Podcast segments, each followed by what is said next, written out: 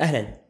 أنا سعد ومعي فيصل واهلا وسهلا ومرحبا بكم جميعا في حلقة ثانية من بودكاست سعد وفيصل البودكاست صاحب الاسم المؤقت واللي لا نزال نستقبل آه، اقتراحاتكم لاسم البودكاست آه، في حساباتنا في انستغرام يعني حتى انتهاء وقت ال ال وقت ال stories اللي نشرناها أصلا. أهلا وسهلا. آه، حديث عن عن منتجات أصلا يعني أطلقت وأعلن عنها من فترة. آه حنتكلم عن ال MacBook عن ال AirPods عن Google Pixel وكذلك عن أخبار جديدة أيضا آه عن آه تنحي آه جاك وعن مستقبل تويتر. واهلا وسهلا بك فيصل. شو الأخبار سعد؟ الله يسلمك يا فيك. أعتقد يعني انقطاع طويل جدا. إن شاء الله يعني راح نستمر. يعني ما نعودكم يعني بس إن شاء الله راح نستمر يعني بشكل يعني شبه أسبوعي إلى أسبوعين تقريبا. إن شاء الله ننزل حلقات. طبعا آه، عندنا كان الشهر اللي فات مؤتمر أبل اللي كان الخاص بالماك بوك وكان هو المنتظر يعني فعليا. بعد ما شفت مؤتمر أبل يعني آه، هو كان المؤتمر كان مقسم لثلاثة أجزاء. طبعا كان هو باين الموضوع الأساسي هو موضوع الماك بوك برو الجديد. كانت هي الإشاعات تتكلم على هذا الموضوع من أول. في البداية تكلموا عن إضافة ألوان جديدة لسماعات أو speakers ال HomePod mini المنزلية إضافات ألوان جديدة برتقالي أصفر ولون أزرق. آه، آخر شيء كان بعدها اللي هو تكلموا عن ال AirPod 3 راح نتكلم عنها بالتفصيل يعني آه، إن شاء الله في البودكاست. ولكن النقطة المهمة في الأخير كانت اللي هي معالجات جديدة للماك بوك واجهزه الماك بوك برو آه، بتصميم جديد كليا. طبعا ابل كان أول شيء قبل ما يتكلمون عن الجهاز كتصميم و design وكل شيء التفاصيل هذه تكلموا عن المعالجات.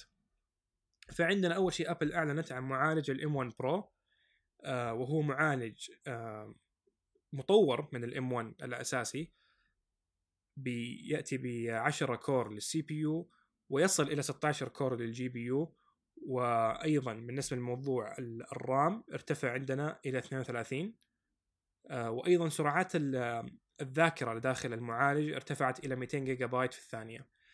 آه، بعد كذا أبل تكلمت عن هذا المعالج وعن الأداء العالي ومقارنته بالاجهزه المختلفة سواء من معالجات يعني إنتل أو رايزن في أجهزة ويندوز. أيضا بعد هذا الكلام أبل عرضت معالج آخر أيضا وهو ال M1 Max فأصبح عندنا أصبح عندنا ال M1 Pro وال M1 Max ال M1 Max يأتي ب 10 core لل CPU. نفس الشيء زي ال M1 Pro ولكن ال GPU يصل من آه، بدل ال 16 كحد أقصى يصل إلى 32 core لل GPU. وأيضا ال RAM ارتفع عندنا إلى 64 جيجا بايت بدل الحد الأقصى اللي هو 32 جيجا بايت. آه فهذا شيء يعني شيء جدا ممتاز. آه فعلا الآن نقدر نقول إنه هذه معالجات مناسبة للمحترفين. آه أيضا آه سرعة النقل في الذاكرة ارتفعت إلى 400 جيجا بايت في, الثانية. آه بعد كذا أبل تكلمت عن المعالجات وعن مقارنات مختلفة. آه يعني إنه ممكن هذا هذه المعالجات تتحمل إلى سبع فيديوهات streams آه، آه، للمونتاج اللي هو 8K فيديو آه، بتقنية ال ProRes أو بصيغة ال ProRes عالية الجودة. فهذا شيء جدا ممتاز. يعني هذه هذه أرقام ممكن تقارنها مع جهاز ابل الماك برو اللي هو ال desktop اللي أسعاره أو سعره أضعاف أضعاف سعر هذا الجهاز الجديد اللي راح ينزل الآن. بعد الحديث عن المعالجات والأرقام والأشياء هذه أبل تكلمت عن تصميم الأجهزة. فأول شيء عرضوا لقطات للأجهزة بدون ما يتكلموا طبعا بس إنك تشوف التصميم. والتصميم كان شيء مختلف صراحة عن عن اللي توقعناه. أبل رجعت بالتصميم إلى تصاميم كلاسيكية أكثر بتصميم ال PowerBook من يمكن 2005 2006 وأيضا كان باين إنه في عندنا مداخل جديدة في هذا الجهاز. أو فعليا مداخل قديمة. يعني رجعوا أضافوا مداخل كانت سابقا موجودة آه، غير ال Type-C طبعا نتكلم ال Thunderbolt أبل تكلمت آه، عن الجهاز طبعا عندنا ناحية البطارية نتكلم ال- الجهاز بطاريته عندنا 14 انش و16 انش طبعا مقاسين تصل ال 14 انش إلى 17 ساعة عرض فيديو ويصل ال 16 انش إلى 21 ساعة عرض فيديو. هذه ارقام جدا ممتازة على جهاز برو ممكن يكون جهاز ال M1 الماك بوك برو M1 أفضل من ناحية البطارية أكثر يعني. يعني لأنه عموما في اللي هي ال efficiency core نفس ال cores اللي هي الأداء ال- الاقتصادي تقدر تقول. آه، توفر أكثر في الأداء. مقارنة بهنا عندنا ال cores ال efficiency أقل صارت وزادت اللي هي ال cores ال high performance أو الأداء العالي. فعشان تديك أداء أعلى. لكن يظل ال 16 إنش هو أعلى شيء في البطاريات. يعتبر يعني أكثر ماك أو أكبر بطارية في ماك آه، وضعوها. وأعتقد إنه يعني ما أدري إذا في لابتوب أصلا في السوق آه، يقدر ينافس هذه البطارية. آه، شغلة ثانية في التصميم وهي كانت عيب في التصميم السابق اللي هي مسألة ال- التبريد. أنا عندي كان ماك بوك برو 13 إنش وقت ما كنت أتفرج المؤتمر منه. آه، كان عندي ماك بوك برو 13 انش إصدار 2020 آم، هذاك الإصدار أخذت فيه الإنتل i5 آه، رباعي النواة تقريبا كان. آه، ال 13 إنش فكانت الإشكالية عندي طبعا هو عندي مروحتين داخل الجهاز في ال i5 الإصدار اللي أخذته أنا. كان اللي هو أربع مداخل USB Type-C كان في إصدار يجي بمدخل واحد أو عفوا بمروحه واحدة اللي هو يكون مدخلين آه، لل Type-C بدل الأربعة. فكان الجهاز مع إنه عنده في مروحتين فكان تب... لكن كان تبريد الجهاز جدا سيء ومعالجات إنتل داخل الجهاز يعني كأنها يعني ما أدري قنبلة تنطبخ جوا ولا شيء شيء حار حار يعني بشكل مو طبيعي. فلدرجة إنه الجهاز صعب جدا إنه أستعمله. مثلا نحطه على ركبتي أو شيء وأنا قاعد مثلا في السرير أو على كرسي أو أي شيء لازم طاولة لأنه يصل إلى حرارة خلاص ما هي مريحة. تبدأ تحرق يعني تقدر تقول.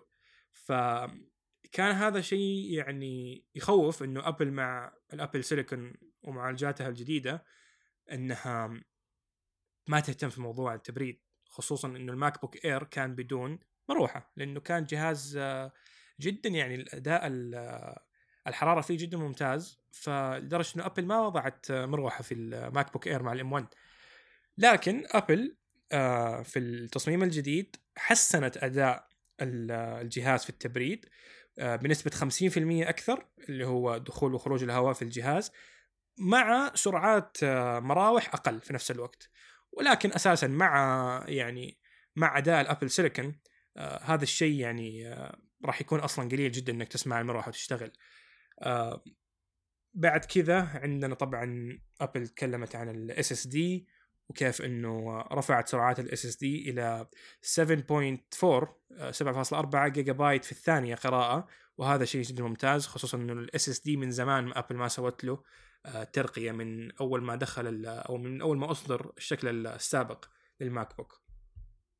آه، بعد كذا Apple تكلمت عن الشاشة. آه، طبعا الشاشة ضافوا شاشة XDR Display أنا هنا خلاص يعني من يوم شفت الشاشة هذه خلاص يعني الآن دخل الجهاز في بالي لأنه الشاشة نفس الشاشة اللي هي كانت في ال- الشاشة المعروفة من Apple اللي تنباع منفصلة اللي هي Pro XDR Display monitor آه، اللي هي كان سعرها جدا غالي تجاوز ال 20000 ريال تقريبا. وكان من عيوب ال MacBook اللي معي والإصدارات اللي قبل بشكل عام الشاشة ال سي دي في الأخير ال سي دي ما هي جميلة جدا في آه، مشاهدة المحتوى ألوانها يعني ما تتقارن بشاشات ال OLED مثلا.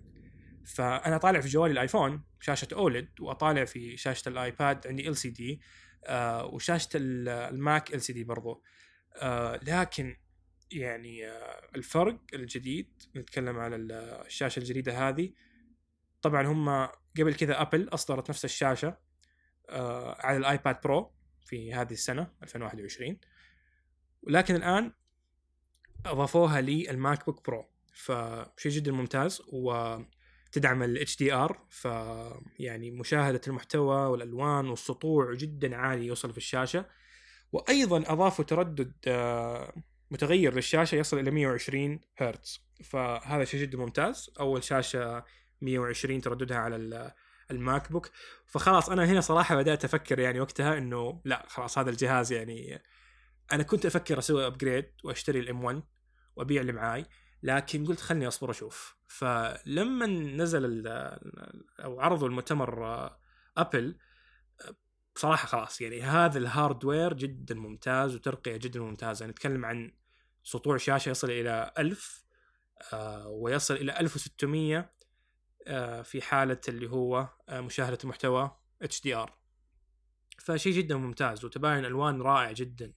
يعني الشاشة رحت شفتها في في المحل آه فيعني لما تشوفها في المعرض غير غير الشاشة يعني روعة روعة ألوانها ألوانها جدا ممتازة. وأنصح أي واحد يعني متردد أو يفكر في الموضوع روح شوف الجهاز. روح شوف الجهاز في أي معرض وحتشوف قديش إنه الشاشة مرة ألوانها جميلة وسطوعها جدا ممتاز. ف وهي أهم فعليا الشاشة هي أهم جزء في اللابتوب. يعني في الأخير أنت قاعد طالع فيها المحتوى حقك.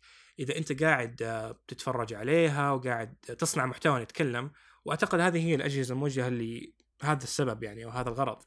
ف شاشة جدا ممتازة. طبعا عندنا زي ما قلنا 16 انش و14 انش آه لكن الشيء اللي لاحظناه واعتقد كلنا انتبهنا له في الشاشة هذه النتو أو النوتش اللي ماخذينه من الآيفون تقدر تقول وحاطينه في هذه الشاشة. ما أدري سعد يعني طبعا أنت كونك يعني إنسان يميل إلى الأندرويد فأعتقد يعني عندك تعليقات على هذه الشاشة.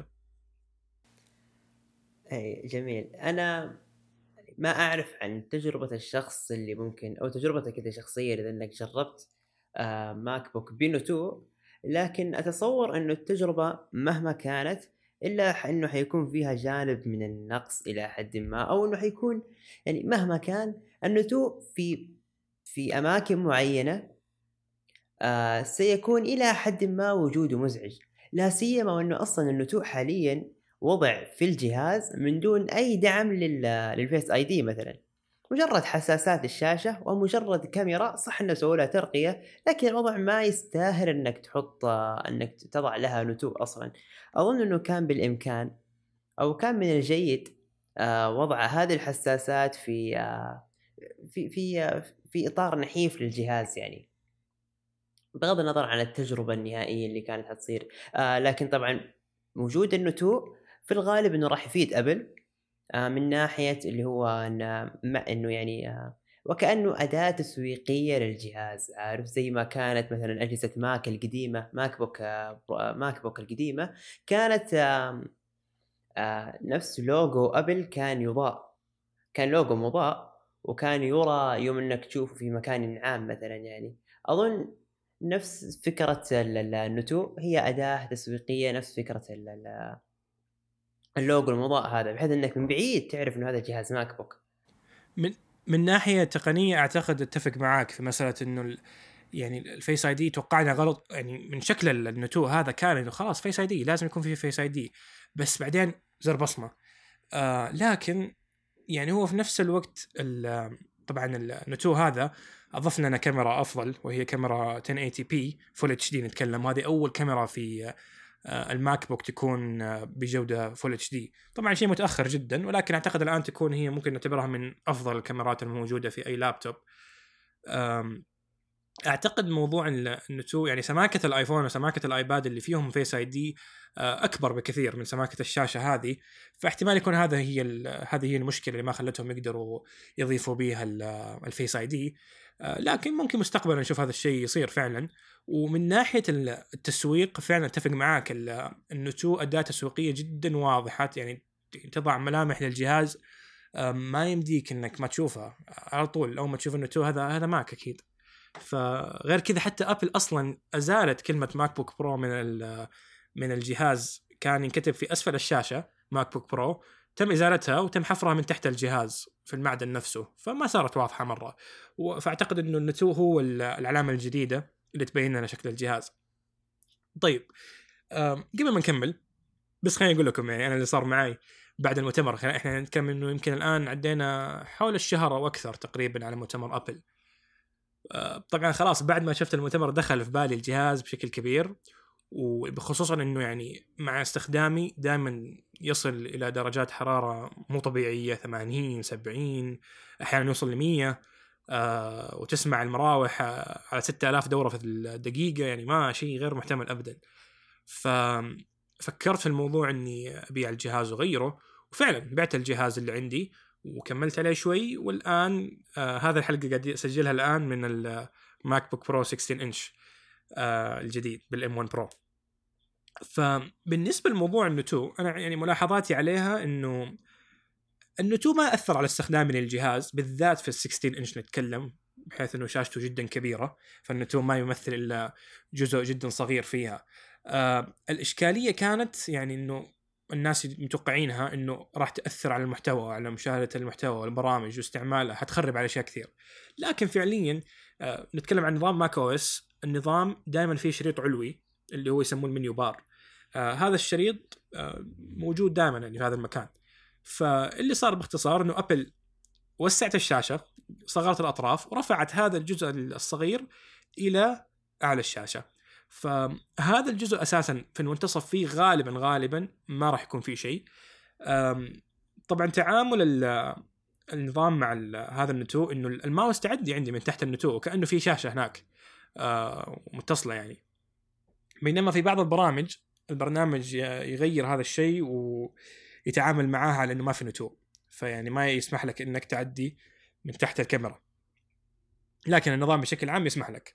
آه، أحيانا تحصل مشاكل في بعض البرامج. لاحظت إنه يعني إذا كان عندك آه، أيقونات جدا كثيرة أو قوائم جدا كثيرة في البرنامج ممكن إنها تصير تحت النتو ولكن هذه في حالات خاصة وأعتقد إنه يعني آه، راح يوضح مع الفترة الجاية مع شوية تحديثات لل software بحيث إنه يصير الموضوع خلاص يعني له طريقة معينة وما يكون في إشكاليات زي اللي صار الآن. بالنسبة للكاميرا ال full HD جدا طبعا أفضل بمراحل من الكاميرا السابقة وأداء أفضل مرتين في في الإضاءة المنخفضة نتكلم آه لكن في عيب لاحظته هو إنه الكاميرا يعني بتنعم الوجه وبتنعم الصورة بشكل جدا كبير يعني آه لاحظت إنه في مكالمات ال FaceTime اللي بسويها وحتى في ظروف إضاءة جيدة بلاحظ إنه كذا في تحس كأنه في تنعيم من نفس الجهاز على صورة الكاميرا نفسها. ف ما أدري هذا الشيء للأسف يعني ما في ما في خيار إنه نطفيه أو شيء. آه فما أدري هل هو من ال sensor بس يعني هو واضح إنه في في شغل AI قاعد يعدل الصورة ويخليها ناعمة أكثر من اللزوم. ف يعني تقدر تشبهها بتصوير جوالات ال Galaxy في ال S 8 تقريبا. هواوي. والهواوي إيوه. يعني بالذات زمان نتكلم كانت بشكل كبير في هذا الشيء. والتنعيم يمكن في هواوي الآن مستمر يعني إذا كنت أنت مشغل ال beauty mode على قولتهم. بعد كذا طبعا ابل تكلمت عن الأنظمة الصوتية في الجهاز عندنا الميكروفونات وعندنا ال speakers ابل أضافت ثلاثة ميكروفونات اللي هي studio quality هي تقول كذا عنها ابل وتديك أداء أفضل من ناحية الأصوات والإزعاج أقل ب 60% من السابق. وفعليا لو شفتوا مراجعات للجهاز عند أي يوتيوبر حتلاحظ إنه بعضهم سجلوا الحلقة كاملة عن طريق هذا المايك اللي في الجهاز. وفي نهاية المقطع يقولوا لك ترى أوه ترى سجلنا الحلقة هذه من المايك الماك بوك برو. ففعليا أداؤه جدا ممتاز على على إنه مايك لابتوب ترى. ف يعني ممكن لو حطيته انت في بيئة جيدة أكيد حيكون أفضل مثلا غرفه فيها عوازل وما في صدى أو شيء. آه بشكل عام ممتاز وهذا الشيء يحسن في موضوع إنه الواحد لو ما معاه مايك يقدر إنه يسجل بجودة جيدة. وأيضا في حالة إنه لو كان يبغى يدخل في مكالمات يكون الصوت واضح. أيضا ابل أضافت اللي هو نظام صوتي جديد speaker ستة speakers في الجهاز. ف طبعا حجم جدا أكبر من السابق. وأيضا يدينا صوت بجودة عالية جدا وصوت محيطي تقدر تقول. جربت أشغل على الجهاز اللي هو في فيديوهات شركة Dolby Dolby Atmos اللي هي فيديوهات آه، صوت محيطي سينمائي. آه، فعليا يعني الصوت بيجيك من كل الجهات فاحيانا في أصوات تكون من خلفي المفروض جاية وفعلا أحس الصوت كأنه من ورايا جاي مع إنه هو الجهاز قدامك على الطاوله ما أنت ما أنت لابس سماعة. فجودة الصوت والصوتيات بشكل عام في في هذا الجهاز إذا كان عندك مقطع صوتي بجودة عالية جدا جدا مبهر صراحة. أيضا بالنسبة عندنا دعم ال spatial audio اللي هو الصوت المحيطي ثلاثي الأبعاد. مع أنواع الفيديوهات المدعومة سواء من Apple Music أو Apple TV أو أي خدمة تدعم هذا الشيء يعني بشكل عام. ف وأيضا في ال FaceTime في مكالمات ال FaceTime هذا الشيء مدعوم. بعد كذا موضوع المداخل. طبعا هذا يمكن أكثر جزء حمس الناس وفي نفس الوقت يعني كان ملحوظ إنه ابل رجعت مداخل سابقا كانت موجودة. أول شيء ابل رجعت مدخل الشحن اللي هو ال MagSafe بإصداره الثالث الجديد. ومدخلين عندنا Thunderbolt 4 هذا على اليسار كلنا نتكلم اللي هي Type-C وأيضا مدخل السماعة. وعلى اليمين عندنا مدخل ال SD card الذاكرة ومدخل Type-C إضافي Thunderbolt 4 ومدخل HDMI فما أدري وش رأيك يعني في خطوط ابل هذه إنها رجعت بالوراء يمكن نقدر نقول في التصميم وأضافت مداخل قديمة. جميل. أتصور إنها إنه بعض المنافذ هي في حقيقة الأمر تفيد المحترفين بغض النظر عن المجالات لكن حقيقه أشعر إنه يعني أنا okay أنا أحترم زيادة المنافذ لكن في منفذ يا أخي ماله معنى اللي هو منفذ HDMI الغالب إنه بالنسبة للمحترفين يستخدمون مثلا مثلا إن كان عندك شاشة إضافية أو عندك شاشات إضافية ودك تستخدمها في الغالب إنك راح تستخدم منفذ ال Thunderbolt ما راح تستخدم HDMI مثلا. آه لا سيما من ال HDMI يعني أكبر حجما. وكمان يستبدله ويتفوق عليه Thunderbolt غالبا يعني. خصوصا ان ال HDMI أصلا اللي موجود في آه في نفس الماك بوك هو HDMI 2.0 وهو أصلا يدعم 4K 60 إطار أو 60 هرتز بالثانية فقط يعني. ما يدعم 120 مثل ما تدعمها شاشة الماك بوك أصلا. فأتصور إنه هذا المنفذ يعني أخذ مساحة من حجم الجهاز على لا شيء تقريبا. ممكن نبرر إلى حد ما وجود منفذ المنفذ منفذ الذاكرة بالنسبة لل SD card يعني. تقريبا وجوده إلى حد ما يفك أزمة أحيانا. إن في بعض الحالات يعني ما أعرف إن كان الموضوع والله يعني يفرق بالنسبة للأشخاص اللي هم أصلا عندهم ماك من أول وتعودوا على وجود المنافذ الخارجية من يعني من الأشخاص اللي يستخدمون قطع خارجية للمنافذ أصلا يعني. لا سيما إنك أنت حتضحي بحجم الجهاز وبسمكه يعني. فيب آه، الجهاز طبعا يعني سماكة الجهاز آه، أبل في موقعها تقريبا وضعته حتى نفس السماكة السابقة تقريبا آه، مقارنة بالماك بوك برو السابق. وهو يمكن صح حسابيا لو حسبت أنت التصميم السابق ما كان مسطح تماما كان يعني الجهاز يبدأ أسمك شيء من المنتصف من شعار ابل ويبدأ يعني يلف حول الأطراف بحيث إنه يبان بشكل أنحف. فمن ناحية السماكة التصميم السماكة فعليا ما زادت لكن شكليا بتحسها أسمك بسبب تصميم الجهاز. عودة ال MagSafe يعني ال MagSafe أعتقد هو يمكن أسعد شيء كان في المداخل اللي رجعت لأنه أنت عندك جهاز جدا غالي بأسعار خيالية آه لازم الواحد يعني يحافظ على هذا الجهاز وأنت غالبا السلك اللي دائما مشبوك سلك الشاحن. ف فكرة إنه رجع ال MagSafe اللي هو الشاحن المغناطيسي اللي جدا سهل إنه يفك من الجهاز لو بالغلط أحد تعنقل في السلك أو أي ممكن شيء يصير آه، ما ما يروح الجهاز كامل معاه عكس ال Type-C. آه، وهذا الشيء جدا رائع. الجهاز الآن يدعم شحن 50% آه، إلى 50% في نص ساعة. وهذا شيء جدا ممتاز. مقابل يعني بالمقابل أداء بطارية جدا بطل فأنت بالتالي راح تشحنه وقت أقل وتاخذ أداء جدا عالي. عندنا نقطة بس مرة مهمة إنه الشاحن ال MagSafe مو هو طريقة الشحن الوحيدة. ال Type-C لسه مدعوم إنه يشحن الجهاز كما في الموديل السابق. لكن الفرق عندنا هنا الملحوظ إنه في ال 16 انش عشان تحصل على الشحن السريع اللي هو يصل إلى 140 واط آه، بقوة 140 واط لازم تاخذ شاحن ال MagSafe هو اللي تستعمله آه، بحيث إنه بطارية الجهاز 100 آه، واط آه، حجمها في الساعة. فهذا الشيء يجعل الجهاز عندنا عندنا اللي هي مشكلة إنه ال Type-C ما يدعم أكثر من 100 واط في الشحن ففي الإصدار الحالي الموجود. فبالتالي مدخل ال MagSafe هو اللي تحتاجه عشان تقدر توصل لأداء عالي في الشحن بسرعة عالية للمقاس ال 16 انش بالمقارنه ال 14 انش يدعم الاثنين الشحن السريع بالفور بال Type-C والشحن السريع ب آه اللي هو ال MagSafe. آه نقطة مرة مهمة أيضا اللي هو لازم نذكرها ال 14 إنش يجي معاه شاحن أصغر حاجة و60 أفتكر كان وفي عندنا شيء قريب من ال 100 لكن ال 16 إنش يبدأ من ال 140 واط على طول اللي هو أعلى شاحن جديد وأعلى قوة نزلت.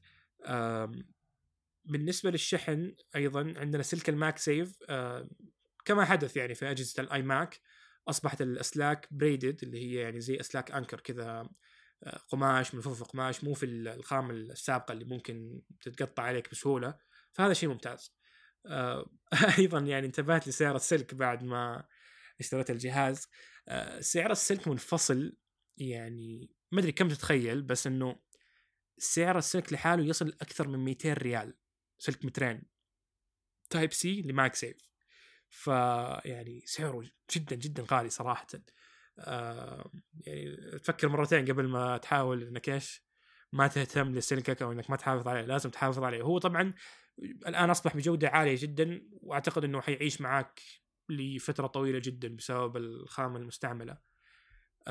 أيضا بالنسبة لموضوع ال HDMI أنا أختلف معك بشكل جدا كبير لأنه ال HDMI بالنسبة لي هو أهم مدخل رجع مو كل الشاشات فيها Thunderbolt okay المحترف غالبا عنده هذه الشاشات ويكون فيها المداخل هذه لكن في حالات إني أستعمل تلفزيونات أستعمل بروجيكتورات ما يكون عندي هذا الخيار.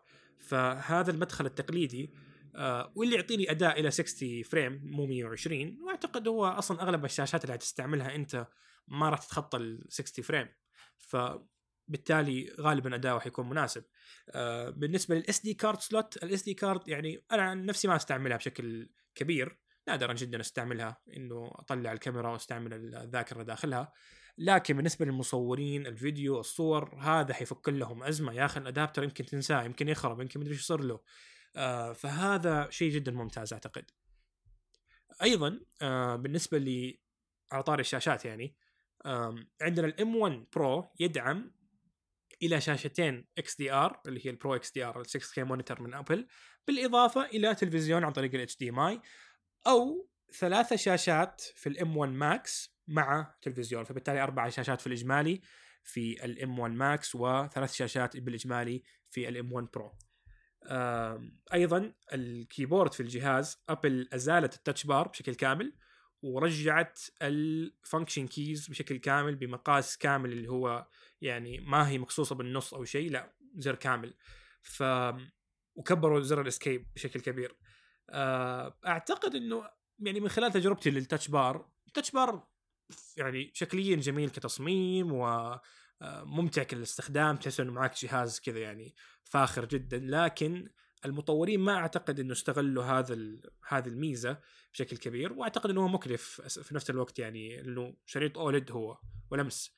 فاللي صار إنه ابل أزالته آه، بعد ما شافت إنه المستخدمين ما استفادوا منه بشكل كبير ورجعت لي الأزرار التقليدية ال function key التقليدية.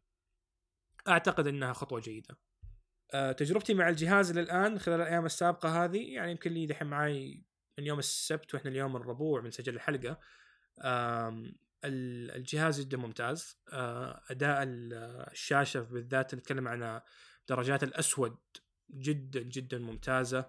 آه، تردد ال 120 لسه مو مدعوم في كل البرامج فيعني أحيانا بتشوف إنه الشاشة تصير كأنها 60 فريمز أو شيء زي كذا. فهذا دليل على إنه لسه بقيه البرامج ما ما اندعمت بشكل كامل ويحتاج لها تحديثات حسب اللي شفته.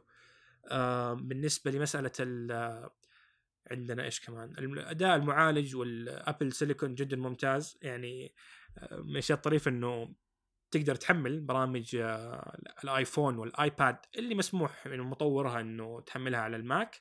على أو عفوا على الآيفون والايباد إذا سمح المطور تقدر تحملها على الماك. فمثلا عندي برنامج my stc مثلا موجود عندي على الماك لأني محمل نسخة الآيفون. آه، برنامج البيك. يعني تعرف أحيانا الواحد يكون بيطلب. فموجود برضو. فيعني حلو الأمور هذه صراحة إنها تسهل الاستخدام والدعم يصير أكبر بين الأجهزة. بالنسبة للأداء الجهاز من ناحية الحرارة طبعا فرق السماء عن الأرض مقارنة بالماك بوك برو القديم اللي كان يصير كأنه فرن. ما أقول لك إنه الحرارة ما في حرارة ابدا، في حرارة في الجهاز تحصل آه، بالذات إنه أنا في بدايه يعني أول ما استلمته قعدت أنصب أكثر من برنامج في نفس الوقت وأحاول إني أخلص بوقت سريع يعني إني أضبط الجهاز حقي ف يعني الحرارة وصلت إلى 55 أحيانا يصير الجهاز دافي شوي لكن ما هي لدرجة إنه يعني ممكن تضايق المستخدم ابدا ابدا لا. يعني مقبولة والجهاز يعني تخيل إنه يعني نتكلم عن وصل 55 وهو بدون ولا مروحة وما ولا سوى أي شيء. مو إنه وصل 70 ولا 80 ولا شيء. أنا ممكن أسوي نفس الأمور هذه على جهاز إنتل ماك بوك ويوصل لأرقام زي 80 يعني درجة مئوية أو شيء زي كذا. ف شيء جدا ممتاز وجربت مثلا أشغل المراوح يعني على درجات يعني جدا واطية أرقام جدا بسيطة. تقدر إنها تبرد الجهاز بشكل جدا سريع وممتاز. وفي نفس الوقت أنا حاطه طبعا على النظام العادي الأوتوماتيك اللي هي يتحكم الجهاز في في المراوح. وبشكل عام ما أسمع صوت المروحة أساسا يعني إلى الآن ما قدرت إني آه، أشغل المراوح يعني بسبب الاستخدام. آه، وهذا نفس الشيء نفس الحال مع كثير من المراجعين للجهاز آه، صعب جدا إنهم يشغلوا المراوح يعني إلا بعد ما عملوا أداء أو يعني مثلا رندرة جدا ثقيلة على الجهاز ممكن وقتها تشتغل. النقطة الأخيرة يعني أنا بصراحة أقدر أقول إنه هذا يمكن أحسن ماك بوك سوته أبل ويمكن أحسن لابتوب في الفترة هذه يعني من ناحية اللابتوب للمستخدمين المحترفين. آه يعني بطارية جدا ممتازة.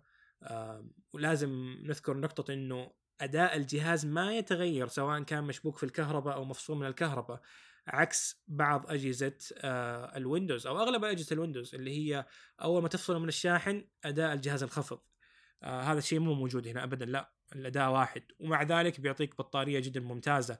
آه الجهاز حرفيا أسكر الشاشة أروح أنام واصح ثاني يوم أشغل الجهاز أول ما أرفع الشاشة يشتغل كما لو إنه جوال. جدا سريع وجدا متفاعل. بشكل جدا ممتاز. أغلب البرامج الآن بالنسبة لي أغلب البرامج مدعومة صارت اللي هي على نسخة المعالج أبل. قليل جدا البرامج اللي هي فقط مدعومة على معالجات إنتل وتشتغل باداء يعني جيد إلى الان ما ما شفت أي مشاكل يعني معاها. آه لكن بشكل عام دعم البرامج ممتاز. آه الجهاز بشكل عام يعني بناء الجهاز جدا ممتاز رائع ما ماني شايف فيه يعني أي مشاكل. أعتقد هذا أقرب شيء ممكن ابل توصل له لماك بوك جدا ممتاز. طبعا لا ننسى إنه أسعاره جدا عالية. آه عندنا الأسعار تبدأ من تقريبا 9500 ريال لل 14 انش ماك بوك برو ومن 11800 تقريبا لإصدار ال 16 انش ماك بوك برو ف يعني حط في بالك إنه الأسعار جدا عالية. هذا الجهاز ما هو موجه لأي مستخدم. آه وإن كنت تفكر فيه ترى يعني غالبا غالبا لو أخذت أقل إصدار من الجهاز غالبا حيكون كافي جدا جدا. جميل. آه شكرا جزيلا لك فيصل. آم ننتقل إلى موضوع آخر وهو من ضمن أحد أبرز ال ال ال الأجهزة اللي عرضت في نفس المؤتمر اللي أطلقت اللي أطلق فيها الماك بوك وهو الجيل الثالث من الإيربادز. آه تجربة أظنها جديرة بالاهتمام بالنسبة للسماعات العادية بالنسبة لأبل. بما أنها تدعم الآن الصوت المكاني آه اللي يغمرك من كل جانب يعني بطارية تعتبر آه بعمر آه أطول بكثير. البيز صار أعمق إلى حد ما. كذلك آه عندك اللي هو آه، مستشعر الضغط اللي هي مستشعر الضغطات صار آه يعني صار بالإمكان التحكم فيه بشكل أفضل بالنسبة لأنه صار تقدر تقول كأنه محفر في نفس السماعة. ما كان له كذا مكان عام تحاول تكتشف بالتجربة مكانه يعني لكن هو مكان واضح لك. ميزة الشيء اللي يفرق الآن بالنسبة لي يعني شوف انجينا الفروقات تحديدا بما أن السماعات هي غالبا هي نفس السماعات ما فيها حاجة كذا مبتكرة لتوصف أو لتشرح ولا فيها والله مثلا نقاط معينة بالإمكان الحديث عنها إنما نتحدث عن فروقات مثلا بين الإيرباس الجيل الثالث الجديد اللي نتكلم عنه الآن وبين الجيل الثاني السابق. آه الجيل الثالث الآن آه كما ذكرت للتو صار آه يدعم ميزة الصوت المكاني. مع خاصية تتبع الديناميكي للرأس. آه هذا كذلك آه يعني حسب المراجعات يعتبر أن هناك فرق جيد جدا بالنسبة لجودة الصوت بالمقارنة مع الأجيال السابقة. صار عندك مقاومة. للعرق والماء. كذلك أنت عندك شحن بواسطة ال MagSafe وبالنسبة للشحن اللاسلكي كذلك. وكذلك الشحن بواسطة ال Lightning الجيل الثاني فقط كان يدعم ال Lightning وحسب ما كان يدعم أي خصائص أخرى بالنسبة أو خيارات أخرى بالنسبة للشحن. الجيل الثالث بالمناسبة هو الآن الأعلى من جميع السماعات من جميع سماعات الأذن بالنسبة لي بالنسبة لعمر البطارية. الآن البطارية تستمر معك لغاية ست ساعات بالمقارنة مع ال AirPods Pro مثلا اللي كانت تستمر لي أربع ساعات ونصف بالمقارنة مع الجيل الثاني اللي كان يستمر لي خمس ساعات. آه، أظن هذا الخيار يعتبر خيار جيد آه بالنسبة للي مو مهتم مرة بموضوع العزل لأن هاي سماعة ما تدعم العزل زي ال Pro وهذا هو الفرق الجوهري هنا. آه كذلك ما يعني يعتبر يعني مثلا للي ما جرب ال AirPods 2 أو ما اقتناها يعتبر هذا خيار مت... جيد بالنسبة له جودة صوت أفضل مقاومة للعرق والماء وكذلك بطارية أفضل.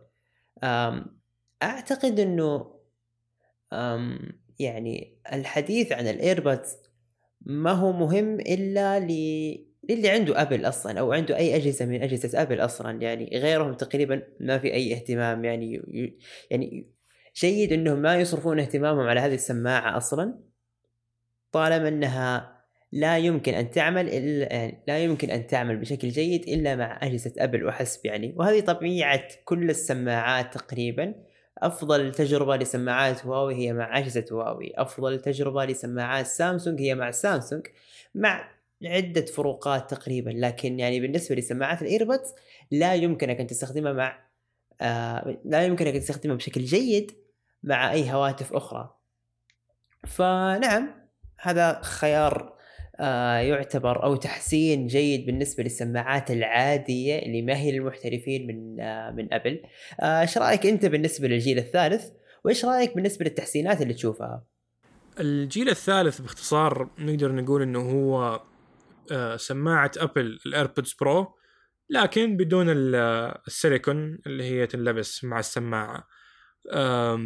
أخذت نفس الشكل تقريبا من ناحية التصميم. آه، أخذت تقريبا نفس الجودة في الصوت أيضا المزايا اللي هي الصوت المكاني ال spatial audio برضو مأخوذة من ال AirPods Pro وال AirPods Max عندنا شكل الكيس اللي هي العلبة حقت السماعة برضو أخذت شكل آه، مشابه بشكل كبير إلى ال AirPods Pro آه، بطارية طبعا ممتازة جدا. لا ننسى إنه سعر السماعة الجديد ال AirPod 3 هي في فئة سعرية جديدة أعلى من ال AirPods 2 واللي هي ما تزال تباع بشكل رسمي من ابل آه، وفي نفس الوقت أقل من ال AirPods Pro لكن يعني هو الشيء الغريب إنه يعني الآن إحنا أصلا في السوق نتكلم ومع تخفيضات ال Black Friday الأخيرة بشكل عام حول العالم سعر ال AirPods Pro صار تقريبا زي سعر ال AirPods 3 الجديدة أو أقل أحيانا.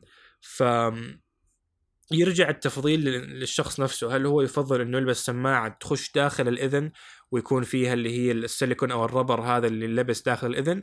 هذا راح يعطيك طبعا ميزة العزل وال وال transparency mode أو اللي هو إنك تسمع الناس حولك. مع برضو إنك يكون عندك عزل. بالمقابل إذا أنت ما تحب هذا الشيء بالتالي ممكن تأخذ السماعة اللي هي ال AirPods 3 الجديدة اللي تكون آه، بدون سيليكون أو بدون rubber فبالتالي ما تكون ضايق بعض الناس يعني.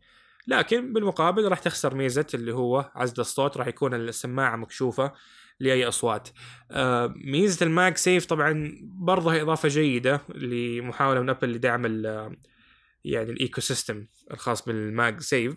آه لكن عيبه إنه يعني آه نفس طبعا المغناطيس ما هو جدا قوي حسب الفيديوهات اللي شفتها له وما يدعم أي شحن سريع هو مجرد شحن لاسلكي لكن مع ثبات أكثر تقدر تقول. آه بينما عندنا أيضا ال MagSafe نفسه حينضاف الآن على سماعات ال AirPods Pro اللي هي الجيل الموجود حاليا. الدفعة الجديدة من السماعة راح تكون متوفرة مع ال MagSafe. فأعتقد هي خيار جدا ممتاز للناس اللي آه، حابين سماعة جديدة من أبل آه، بتصميم جديد بصوت أفضل. يعني الآن ال AirPods 2 ما هي خيار جيد غالبا إلا لشخص يعني ابدا ما يهتم في موضوع إنه السماعة إنها تكون صوتها جيد أو إنه يكون لها مزايا آه، تنفع مثلا للرياضة أو أي إلى ذلك يعني. فال AirPods 2 موجودة لسه وهي اعتقد إنها انطلاقة جيدة لأي أحد حاب يدخل إلى السماعات اللاسلكية بسعر جدا يعني جيد داخل منظومة ابل طبعا. غريب. لكن أظن إنه فرق جودة الصوت ما يؤخذ بعين الاعتبار؟ آه هذا الفرق يعني زي ما قلت يعني ما راح يلاحظ الفرق إلا شخص أصلا مهتم بالصوتيات أساسا.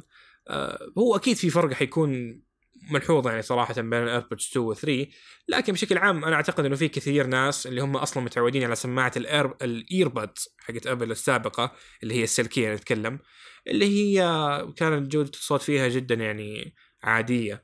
فغالبا كثير من المستخدمين ما لهم اهتمام في, في السماعة نفسها كجودة صوت عالية آه قد ما إنه تديك اللي هي سماعة لاسلكيه بأداء جيد ومن شركة ابل طبعا لا ننسى ذا الكلام.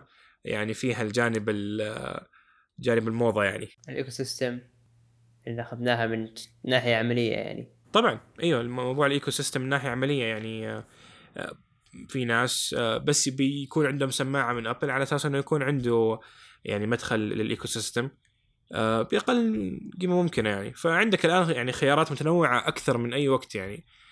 لا ننسى إنه قبل تقريبا كم ست سنوات أعتقد آه، نزلت ال AirPods الأولى فكانت هي نوع واحد. وهذه السماعة بشكل عام ابل يعني لاحظ الآن صار عندها أربع سماعات AirPods مختلفة.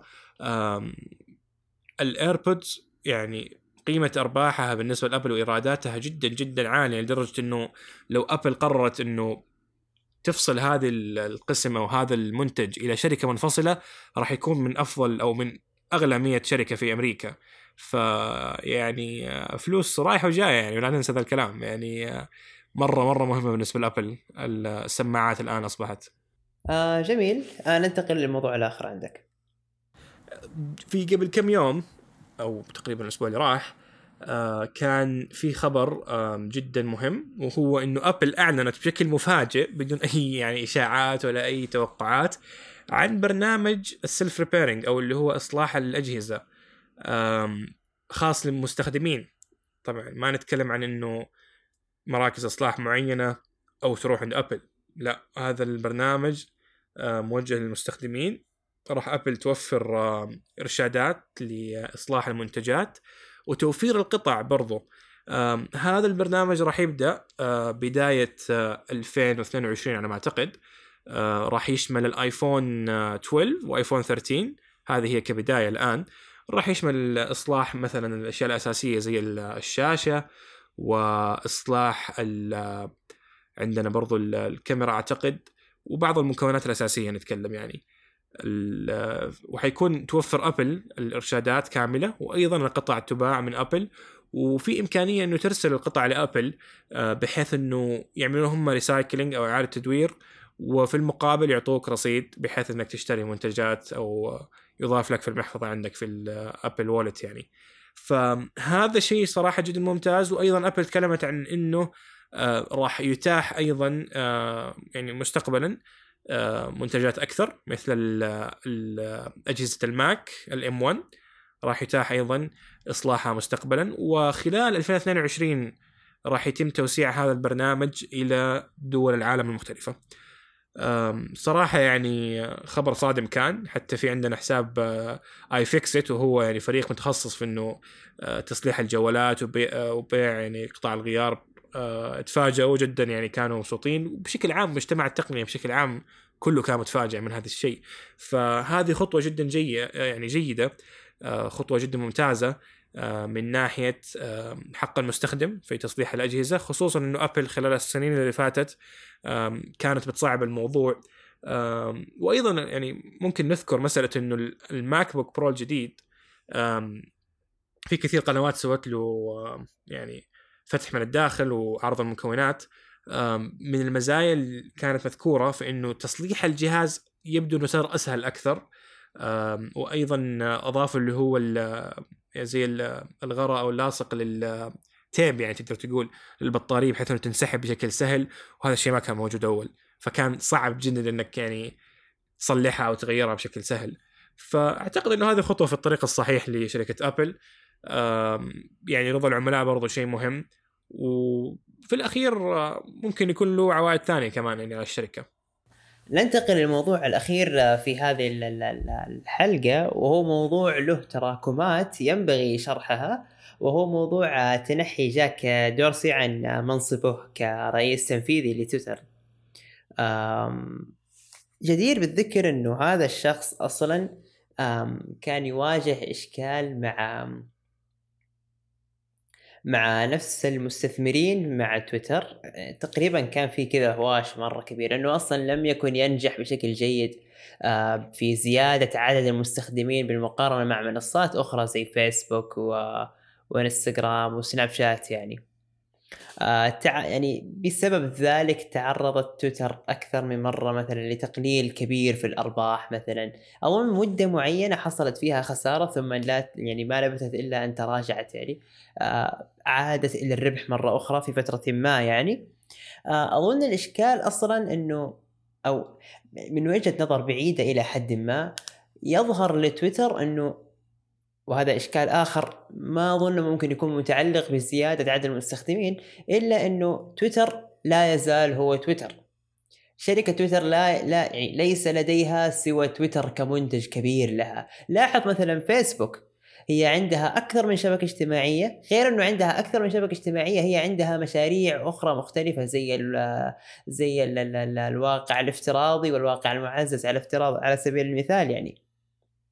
تويتر إيش عندها؟ تويتر ما عندها شيء تقريبا، سناب شات هي أصلا منصه صغيرة إلى حد ما آه لكنها تحاول أن يعني تجد نفسها في سياق في كذا مشاريع يعني آه تقدر تقول فيها استدامة أكثر من أن تكون شبكة اجتماع مجرد شبكة اجتماعية. فتويتر الآن آه تقريبا من 2019 في ديسمبر أعلن جاك عن طبعا نحطه على جنب موضوع تنحيه يعني. آه نتكلم عن تويتر سابقا. أعلن جاك في 2019 في ديسمبر عن آه مشروع بلو سكاي وهي الشبكة اللامركزية بالنسبة للتواصل الاجتماعي. آه شبكة تقريبا يعني آه يحل فيها الإشكالات بالنسبة للحلول المركزية يعني. مثلا زي مثلا معالجة إساءة الاستخدام مثلا هو هو يحاول أن يعالج وأن يحل إساءة الاستخدام في أن تكون الشبكة لا مركزية. تكون ال... تكون وسائل التواصل الاجتماعي ليست فقط في استضافة المحتوى في وإزالته فقط يعني. لا يعني لا تكون يعني تقصد إنه آه معلش بس إنه تقصد إنه آه إساءة الاستخدام يعني إنه الشبكة نفسها بي آه تتصرف مع المشاكل اللي ممكن المستخدمين يعملوها يعني المشاكل الأخطاء والأشياء أو مخالفة القوانين في الشبكة نفسها من ناحية المحتوى. تقريبا وكذلك تقريبا إلى حد شوف الترجمة ما هي مرة جيدة لكن تقريبا هذا هو المقصود. وكمان إنه يعني آم آم معالجة المعلومات المضللة على المدى الطويل من دون ما يصير في أي توريط على الناس عارف؟ هذه. والشيء المضحك إنه يعني تويتر قفلوا حسابي قبل فترة وكان إيه. السبب إنه يعني افتكر كان مؤتمر ابل وقتها وكنت ما ما اغرد كثير في حسابي يعني في العادة. فذاك اليوم انفجرت يعني بتغريدات كثير عن المؤتمر. وقفلوا حسابي على أساس إنه أنا حساب spam اعتقدوا اني روبوت بعد كذا ارسلت الدعم الفني. أو يعني فعليا حاولت إني أعمل اللي هي استلام رسالة عن طريق الكود وإني أحاول نفعل الحساب وما كانت توصلني الرسالة. في الأخير تواصلت مع الدعم الفني بعدها بكم يوم وردوا علي بما إنه اعتذار إنه إنه أوه ما كنا ندري والله إنه بالغلط ال AI حقنا حط حسابك على إنه روبوت بس شيكنا على التغريدات حقتك وانت اكتشفنا إنك إنك إنسان ما أنت ما أنت روبوت. فمعليش والله سامحنا. تفاجأنا إنك إنسان. كذلك من ضمن الأشياء اللي هي إنه وسائل التواصل الاجتماعي ما تكون فقط هي عبارة عن يعني منصة لاستضافة المحتوى وإزالته وكمان تزال قضية الخوارزميات اللي تلفت انتباهك انت كمستخدم يعني. إنما يكون المحتوى محتوى عام يديره الناس يشرف عليها الناس من دون ما يكون في سلطة تشرف عليه بدون ما يكون في سلطة تخطئ في إشرافه على المحتوى فتضلل أو أنها يعني تساعد على تضليل أو أنها تخرب على على أشخاص عاديين يعني زي فيصل مثلا يعني. في هذا هذا المثال يعني. فيب يعني جاك الآن ضد فيسبوك وسياسات فيسبوك بشكل واضح. طبعا الآن فيسبوك أصبحت متى لكن راح نظل نقول فيسبوك أعتقد يعني خلال الفترة الجاية. فيسبوك بالعكس يعني فيسبوك تسوق للمحتوى وإنه آه، المفروض إنه كل مستخدم يوصل له المحتوى اللي يناسبه حسب اللي تشوف الخوارزميات. وهذا الشيء منطبق في يوتيوب في تيك توك في أغلبية البرامج اللي ناجحة الآن ما عدا تويتر فعليا. تقريبا هذا الموضوع جيد لتويتر بالنسبة لوجهة نظر جاك لأنه يسمح ويكون في أفق أعلى بالنسبة للمحادثات العامة للنقاشات.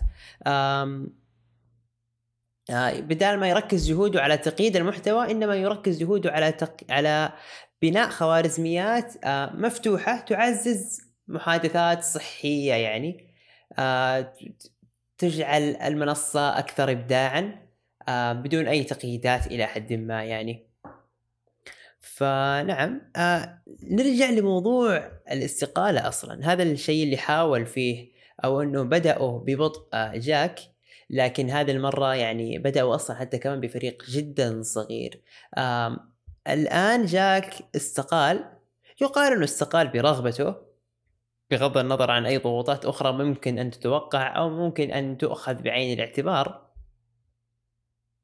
لكنه يقول إنه يعني قرر تويتر لأنه يعني يعتقد أن الشركة مستعدة من دون مستعدة للمضي من دون مؤسسيها.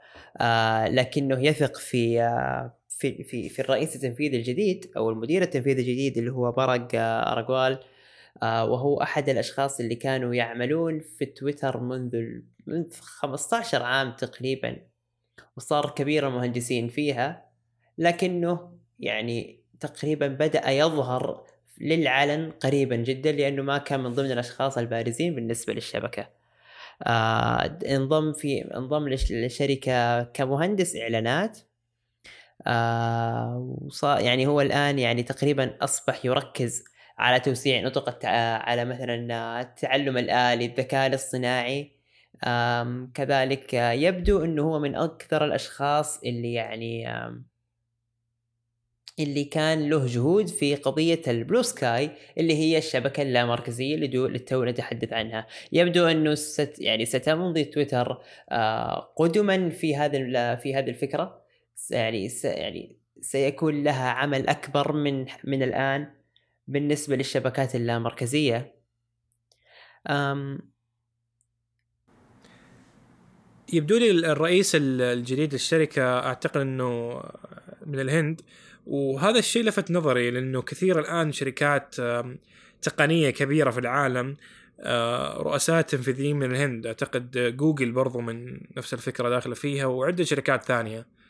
آه، يعني شيء مثير للاهتمام صراحة. وبعضهم يجوا من الهند مباشرة ما نتكلم عن ناس عايشين في أمريكا مثلا لا لا لا من الهند جاي على طول على المنصب.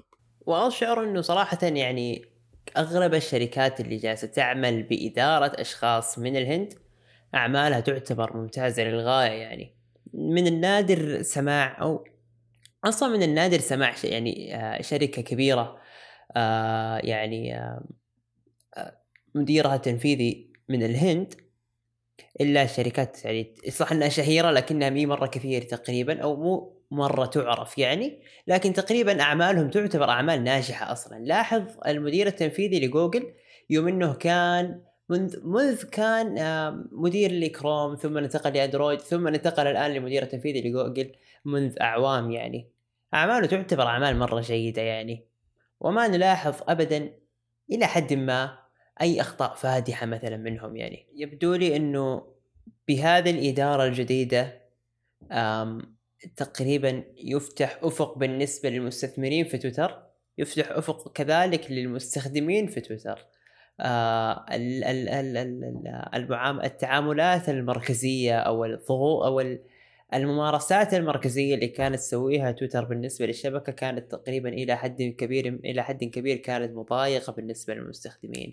كذلك تشعر إنه فيها أخطاء بمعنى إنه آه، كانت الخوارزميات تنحاز إلى آراء معينة. هي اللي مثلا آه، يعني تعرض وتؤخذ بعين الاعتبار بينما آراء أخرى هي اللي تقيد وتعامل آه، وكأنها يعني يعني حتى وإن كان حتى وإن كانت الآراء اللي يعني تنحاز لها تويتر يعني كانت آراء سبام إلا أنها تظهر بالمقارنة مع سبام اللي كانت اللي بي اللي بوجهات نظر مختلفة. حتى وإن كان سبام إلا أنه ارتفاع يعني احتمالية آه، إسقاطه أو اخفائه تعتبر عالية يعني. ما ندري إيش المستقبل بالنسبة لتويتر ما ندري إيش يعني هل من الممكن أن يكون مشروع Bluesky هو المشروع الكبير اللي اللي يجعل الشبكة مستدامة مثل مثلا ميتا بالنسبة لجوجل بالنسبة لفيسبوك مثلا؟ موضوع يحتاج له وقت ما نقدر نحكم عليه الآن يعني. لكن نتفائل بالنسبة لمستقبل تويتر بالنسبة لمدير تنفيذي جديد وبالنسبة لرئيس مجلس إدارة جديد كذلك. إلى هنا تنتهي حلقة هذا هذا الأسبوعين يعني. آه شكرا جزيلا لكم لاستماعكم. شكرا جزيلا لك فيصل كذلك. أعتقد إنه إن شاء الله راح تكون في حلقة ثانية قريب. ما نوعدكم بس إن شاء الله إنه يعني نحاول كل أسبوعين تكون في حلقة إن شاء الله. شكرا جزيلا لكم. إلى اللقاء.